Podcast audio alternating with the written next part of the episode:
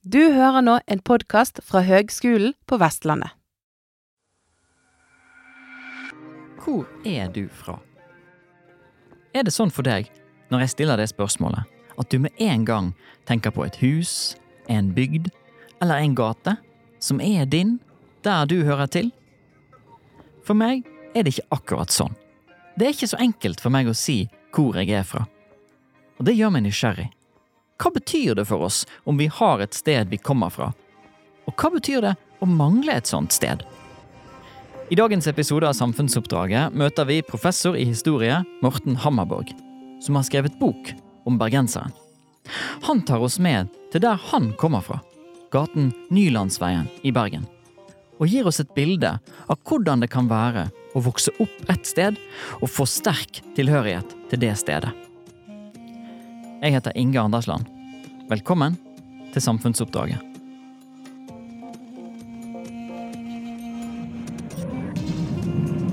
Nå skal vi av gårde og snakke om barndom og det å komme fra et sted.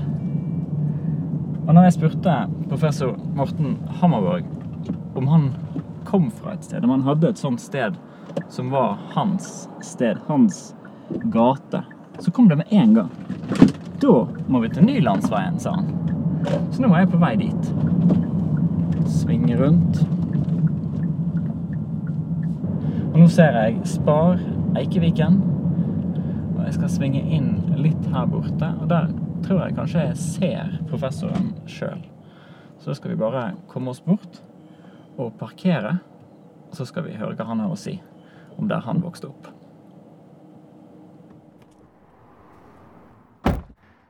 Der står det Nylandsveien.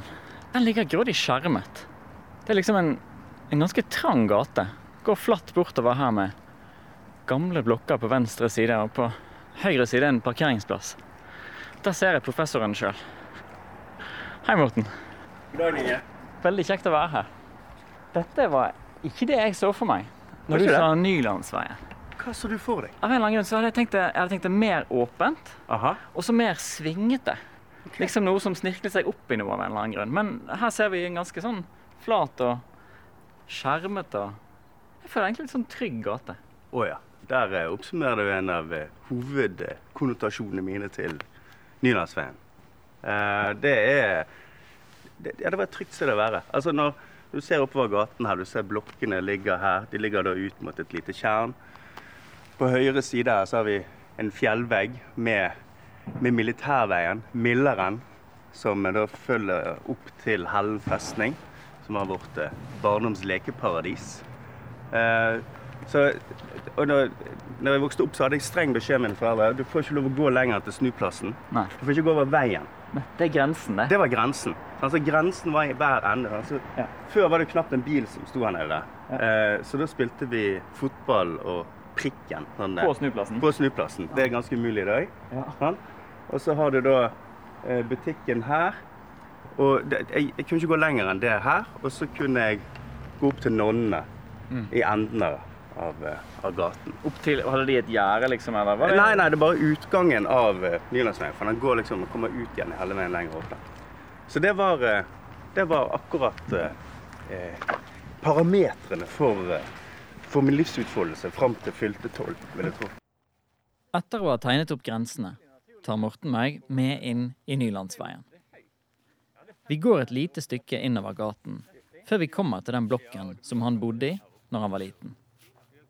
Der går vi ned en liten trapp og svinger til høyre, og kommer rundt på forsiden av blokken.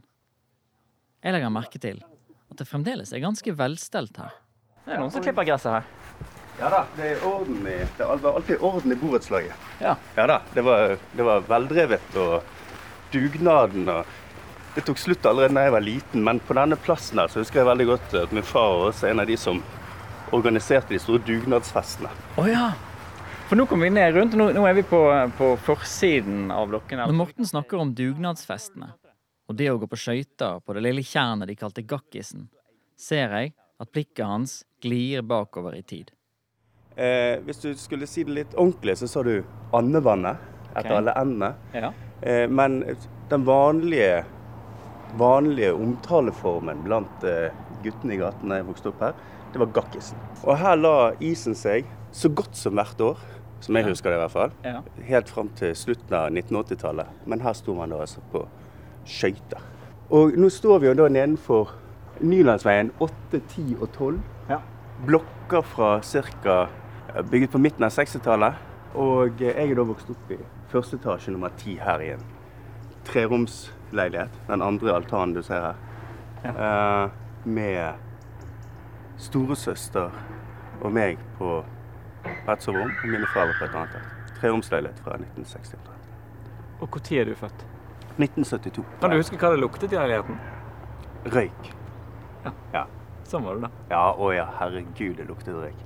Og det som jo var veldig, veldig viktig for oss, og identitetsskapende, ikke minst, det var det at vi bodde i denne rekken med lavblokker her. Den første bygget på 50-tallet, og så disse på rundt 1960, og så jo lenger opp i gaten vi kommer, så de siste på 70-tallet. Eh, men over veien her så kommer du ned til Eikviken, som jo er et av de dyreste stedene å kjøpe hus eh, i Bergen by med sjøutsikt. Det var en uh, radikal forskjell. Jeg og Morten legger hagen foran blokkene bak oss og går tilbake til Nylandsveien. Morten tar meg med oppover gaten, mot klosteret Marias Minde. Underveis peker han på de nye leilighetsbyggene og snakker om hvordan miljøet har blitt utbygd og endret i årene som har gått siden hans barndom. Men det de tok, da, det var jo nonnehagen. Å ja. Ja. Altså nonnene sitt sine bærebusker som de ble rasende for når vi forsynte oss av. Um, og, og området hvor vi også spilte fotball, er jo borte vekk nå, da. Ja. Og så Og så nå ser vi opp til Marias Minde, Mm. kloster der oppe, hvor eh, eh, Nå har de Har de revet den ene? Ja, det må de gjort. Og så denne bakken nedover, da. Fra oppe i skogen, og så med hopp der. Så hoppet vi på ski. Ut sånn der. Her lå barnehagen. Nå går vi på nedsiden av Marias Minde. Yes. Og her er apenes skrekk, det store treet Ja, over her, som har utallige kvelder tilbrakt her oppe med bomgjemsel. Eller spark på boks, eller greier. Sånn som var da du holdt på oppi her, og så eh, Her var barnehagen i dette bygget her. Ja. Ikke veldig stort. Ikke veldig stort. Ser nå ut Og nå er, nå er sandkassen borte òg, ja. ja. Her skjer det radikale endringer. Dette har ikke jeg sett. Eh, og så ja, de har tatt det store treet her borte og laget frisbeebane der og sånne ting. Så her var liksom Dette var enden. Ja, den andre grensen. Dette, ja, ut i veien rett der borte. Ja. Så da Og over hele her så ligger jo da Hellefjellet. Hellen festning. Ja. Så det var liksom herfra og oppover. Og så hadde vi en gammel fotballbane på nedsiden her også, som er grodd igjen for lenge siden. Så, så jeg merker når jeg snakker, så er det veldig knyttet til hvilken type uteaktiviteter. Ja. Når på året. Ja. Og hvilken måte de ulike delene ble, ble brukt på. Ikke alle som har vokst opp med nonner i gaten, men det har du. Ja, altså for oss var nonner et hverdagslig syn. Og det er nok ikke mange som har vokst opp på 70-80-tallet i Bergen som kan si. Ikke mange i Norge som kan si det. Nei, faktisk ikke. Uh, så nei, de drev jo da altså barnehagen her. Eh, og vi visste navnene på de alle sammen. Søster Rosa videre. Hvor var de fra? Nei, det, altså det var så godt som alle, så vidt jeg har forstått det, var fra Tyskland, Nederland. Ja. Eh, og hadde kommet hit nettopp som en del av kallet sitt sant, på 50-60-tallet. og sånne ting. For de var jo, i hvert fall i mine øyne, utgamle allerede i 1980-årene. Ja. Nå går det litt opp her, og nå ser vi da altså mot dette tårnet her, det kirketårnet. Det, det kan du jo se fra ja, med en gang du går opp på et byfjell inne i sentrum. Mm. Så liksom ser du forbi Handelshøyskolen, så ser du dette litt sånn store gule bygget med et tårn eh, nedenfor eh, Hellefjellet. Så er det Marias minne. Og vi var jo eh, Jeg vet ikke hvor mye vi skal gå inn i gamle rampestreker. Jo, kom igjen. Ja. Men de har jo, de har jo eh, de har morgenmessen sin og alt sammen under det, i et bygg under det tårnet. Mm. Og der har de store glassmalerier ut mot andre siden, sånn som jeg husker det. Aha. Så de har sniket seg opp her når vi visste at de hadde messe. Og så med isopor. Isopor på vinduet. Hva gjorde de da? Nei De, De- de var jo- fortsetter vel å be, kanskje? Ja, men de var jo kjent for å være harde i klypen, så vi, vi holdt, eh, vi holdt uh, avstand. Det er fascinerende å se hvordan professoren skifter mellom å undervise om hvordan klosteret fungerte, og hvordan man kan se det fra avstand, og minne om guttungen med isopor på vinduet. Mer enn litt spent på om noen utgamle nonner plutselig kan komme til å sette etter han og kompisene. Jeg aner at det ligger flere fortellinger under overflaten her, men vi må videre. Etter å ha vist oss Marias minde, snur Morten, og vi går nedover Nylandsveien igjen. Forbi blokken han bodde i, og tilbake mot snuplassen. På vei ned snakker vi om hvordan hverdagen var i gaten. Siden det er små leiligheter her, og du tilbringer det meste av eh, tiden din ute i gaten, eller på rommet og snakke. Det var jo så klassisk. Sitte på rommet og snakke. Les tegneserier, da? Les tegneserier etter hvert. når De første husker jeg Gunvald fikk det første stereoanlegget i 85. Ja. Nei, faktisk tvillingene fikk året før. Og så fikk Rune i 86. Det, det er liksom, du kan, altså, jeg husker ikke forskjellen på 2019 og 2016 omtrent, men, eh, men eh, jeg kan tidfeste når de ulike vennene fikk stereoanlegg. Og vi kunne gå der og, og høre på musikk. Men ellers så var vi ute, og da var det først og fremst opp Milleren. Alle hyttene, alle bomberommene. Så eh, hvis du skal få noe grep om oppvekst i, i Nylandsveien, så er det så Vi må det- til Milleren. Vi må til Milleren. Nå skal vi altså opp til det som var lekeparadiset i Morten sin barndom. Vi må gå opp Militærveien, eller Milleren, som han kaller det for. Morten tar oss med nesten tilbake til snuplassen der vi møtte han, før han svinger opp til venstre, forbi noen bjørnebærbusker og noen trær. Der ligger en smal, asfaltert vei som går opp til Hellen festning. På veien opp må vi ta et stopp på et sted der noen spesielt sterke minner treffer Morten. Det jeg husker best herfra, det er Vi var de minste ungene i gatene. Sånn, som vi, vi følte vi fikk liksom andel, eller smake så vidt på en eller annen kultur som hadde vært før oss. Og det var gatekrigene. Som man liksom, Hvis du leser intervjuet med Georg Johannessen Han, han som messes der av gårde om mellomkrigstiden og gatekrigene. Du kunne ikke gå gjennom strøk i byen. Og han var født 40 år før. Ja. Så da husker jeg veldig godt at, eh, at eh, noen utenfor gaten hadde kommet inn i gaten. Og da hadde vi forskanset oss her oppe. Eh, og det var mye spretterter, husker jeg. Det ble mye brukt spretterter. Men det jeg husker aller best, var det at jeg var, jeg var sikkert den minste, også fysisk, i, eh, av de som var med. Så mitt bidrag det var å gå ned der, og så fant jeg noe hundedrit. Som jeg plukket opp i blader, som jeg tok opp til en av de større guttene. Og så fyrte han det ned på dem, der de lå gjemt bak steiner. Det er mine livligste barndomsminner. Det er altså en ammunisjonsbærer for en av de siste gatekrigene i Bergen som leder an videre opp Militærveien. Etter hvert kommer vi opp til fortet, og Morten stopper foran en av militærbunkene som de pleide å leke i. Nå har vi gått opp en lang bakke, Yes! og så er vi her på Hælen fort, eller bare festningen. Og her, er, her, her, Her er det noen greier. Ja. Dette er en av de klassiske bunkerne som eh, vi brukte. Hjelpe meg. Hei, altså, jeg jeg står og ser på en fjellvegg. Det kunne vært liksom en sånn liten utgave av Moria i 'Ringenes herre'. Ja. Og så er det en liten støpt inngang nederst, Mhm. der det har vært en dør. Den ligger der og er rustet. Jeg vet ikke om det er den originale døren, men dette det, det er et tysk militæranlegg.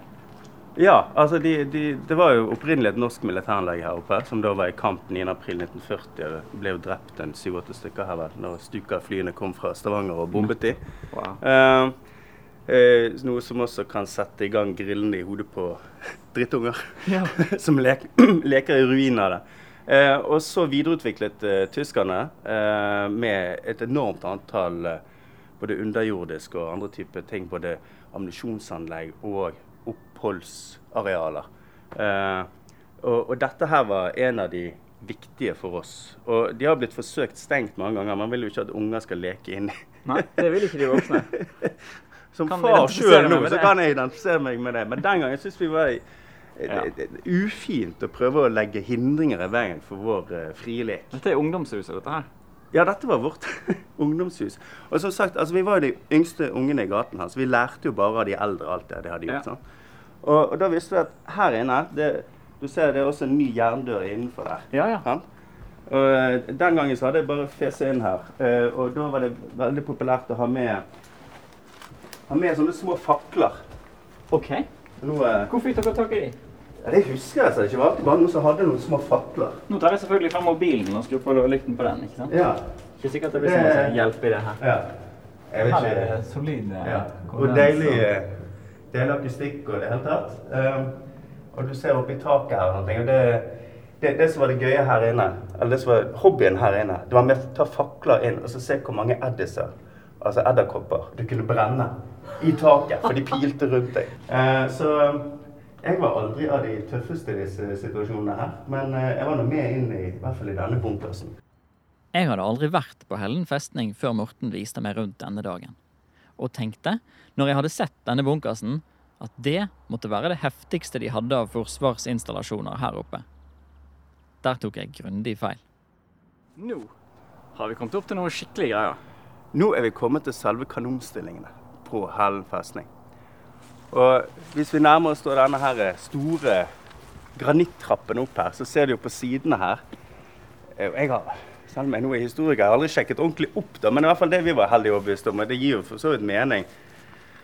Eh, altså at du kan lagre ammunisjon Ja, i disse ja. Store sånne rom, halv meter høyt kanskje, og Ja. plass til noen solide granater inni Ja. der. Jeg tror nok når vi var små, for da la vi, la vi oss inn her og latet som at det var bombardement og, og greier. Ja. Og her ser du det jeg tror, altså Nå henger ikke disse her eh, eh, sånne vaierne, jernvaierne, disse her eh, slissene på siden her. Men det har gått der. Ja, sånn, Så det, det må ha vært en del, tror jeg, av en heiseanordning for å ta opp Ja. granatene der. Men vi var da overbevist om, fordi at en eller annen type i gaten hadde sagt at det var sånn det var, eh, at de hengte motstandsfolk der. Så det hang sprellende, døende norske motstandsfolk i disse to slissene på hver side. Sier noe om en sånn stemning som jeg kan se for meg at dere hadde her. Det er både litt sånn hellig grunn, Ja, ja. og, og litt sånn skummelt, Mhm. og så vanvittig spennende. Vanvittig spennende. Sånn at det å leke krig eller cowboy-indianer i disse omgivelsene eh, Altså, eh, historical accuracy var ikke liksom ansiktene. hensikten men, men, men det å leke her oppe Og, og når vi kommer opp på selve eh, selve kanonstillingen her Og nå er Ja, det har grodd litt igjen foran her, men hvis vi går opp på her, så ser vi Her Det er ikke helt nå lenger, men altså, det var Nå er vi på en flat plass. Vi har Ja. gått opp denne trappen. Ja, her er det noe greier som er støpt i bakken. Ja, sant? Her ser du da de da avkuttede fundamentet til kanonene som sto her. Og, og hvor mye vi snakket om. Altså det, det er vanskelig å spole tilbake 40 år, og hvordan, men at det var liksom en sånn tilstedeværelse og liksom krigens merker. Og det at kanonen en gang hadde vært her. Og når du da er en guttegjeng som leker her oppe nesten daglig, og inn i bunkersene på disse tingene, så ja. Det, det, det ga noe. Mens jeg gikk der oppe på Hellen festning med Morten, og hørte han fortelle den ene historien etter den andre, om kalde navn, skumle gjenger, og mens han viste enda flere militære installasjoner som gradvis hadde blitt omregulert til magiske lekeplasser, så ble jeg slått av mangelen på melankoli. Morten gikk ikke rundt og sørget over barndommen som var borte. Han bare viste fram den ene rikdommen etter den andre fra det som hadde vært barndommens lekeparadis. Jeg hører veldig lite toner av liksom sorg eller savn eller liksom det forgangne eller Det er litt sånn positiv eh, nostalgi, eller? Ja, for kanskje Kanskje jeg føler jeg har tilgang til det fremdeles. Ja. Jeg tror jeg har hatt en slags sånn refleksivt forhold så lenge jeg kan huske, nesten. Og så, eh, og så, og så kjenner jeg jo fremdeles folkene jeg vokste opp med. Ja. Jeg har jo fremdeles connection til dem. De er ikke borte. Nei, de er ikke borte. Du reiste herfra uten å forlate det egentlig. Foreldrene dine bodde her fremdeles, så det er en Ja. sånn gradvis greie. Ja, veldig gradvis. Sånn at det var liksom Det ble også en del av voksenlivet gjennom julefeiringer og besøk Ja. hjemme og sånne ting. Og nå, nå når jeg liksom fått ganske store unger og bor i sentrum igjen og går igjennom her fra tid til annen, så tror jeg kanskje på en måte har prosessert det litt sånn fortløpende. Jeg vet ikke. Fra 1972 til i dag, egentlig. Ja. Som eh, gjør at relasjonen blir ganske annerledes. Det mest skremmende øyeblikket jeg kan huske gjennom oppveksten, var rundt 1980. Når min far kom hjem og fortalte han hadde fått jobbtilbud i Oslo. Ja, det, det Det, er en skikkelig sprekk. Et jordskjelv. det var et en jordskjelv. Det, Det var et trussel. Og da hadde Året før så hadde en av mine beste venner, Rune Reindram, han har vært med familien. Faren hans var eh, fra eh, tamil fra Sri Lanka. Så han har vært der et år. Det har vært mye brevveksling og mye savn, husker jeg, i knyttet til det. Men de, Så det der kan skje. det kan skje. sant? Og så husker jeg det at nå kan det faen meg skje med meg òg. Altså, altså i Oslo, sant? for det var norsk data. Min far var IT-fyr, sant? det var ettersport på tidlig 80-tallet. Ja. Ja. Så liksom, han kunne doble lønnen sin fra UiB. Men jeg husker, jeg husker når det var nærmest sånn familiemøte. Min søster hadde akkurat flyttet ut, og han har vært rundt ti år. Eh, liksom det at Nei, vi skal bli, for vi, vi har det så godt her. Det, det var liksom den store den store lettelsen. Jeg husker Rune og Per og de andre i, i, eh, oppe med Nonnehagen der jeg kunne komme og fortelle at vi skal bli. Vi skal bli. Og her, med bilde av en liten, lykkelig gutt som kunne springe til kompisene med de gode nyhetene om at han skulle få bli i Nylandsveien, forlater vi Morten i denne omgang. I neste episode av Samfunnsoppdraget spør jeg professoren om hva det har å si å komme fra et sted, og kjenne tilknytning til det stedet, om barndom og om tilhørighet. Vi høres.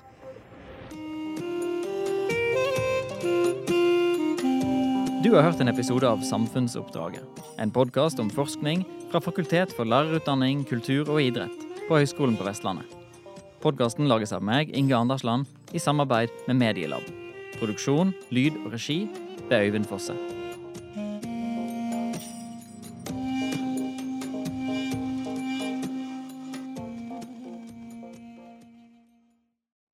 Du har nå hørt en podkast fra Høgskolen på Vestlandet. For å høre flere podkaster, besøk hvl.no slash podkast.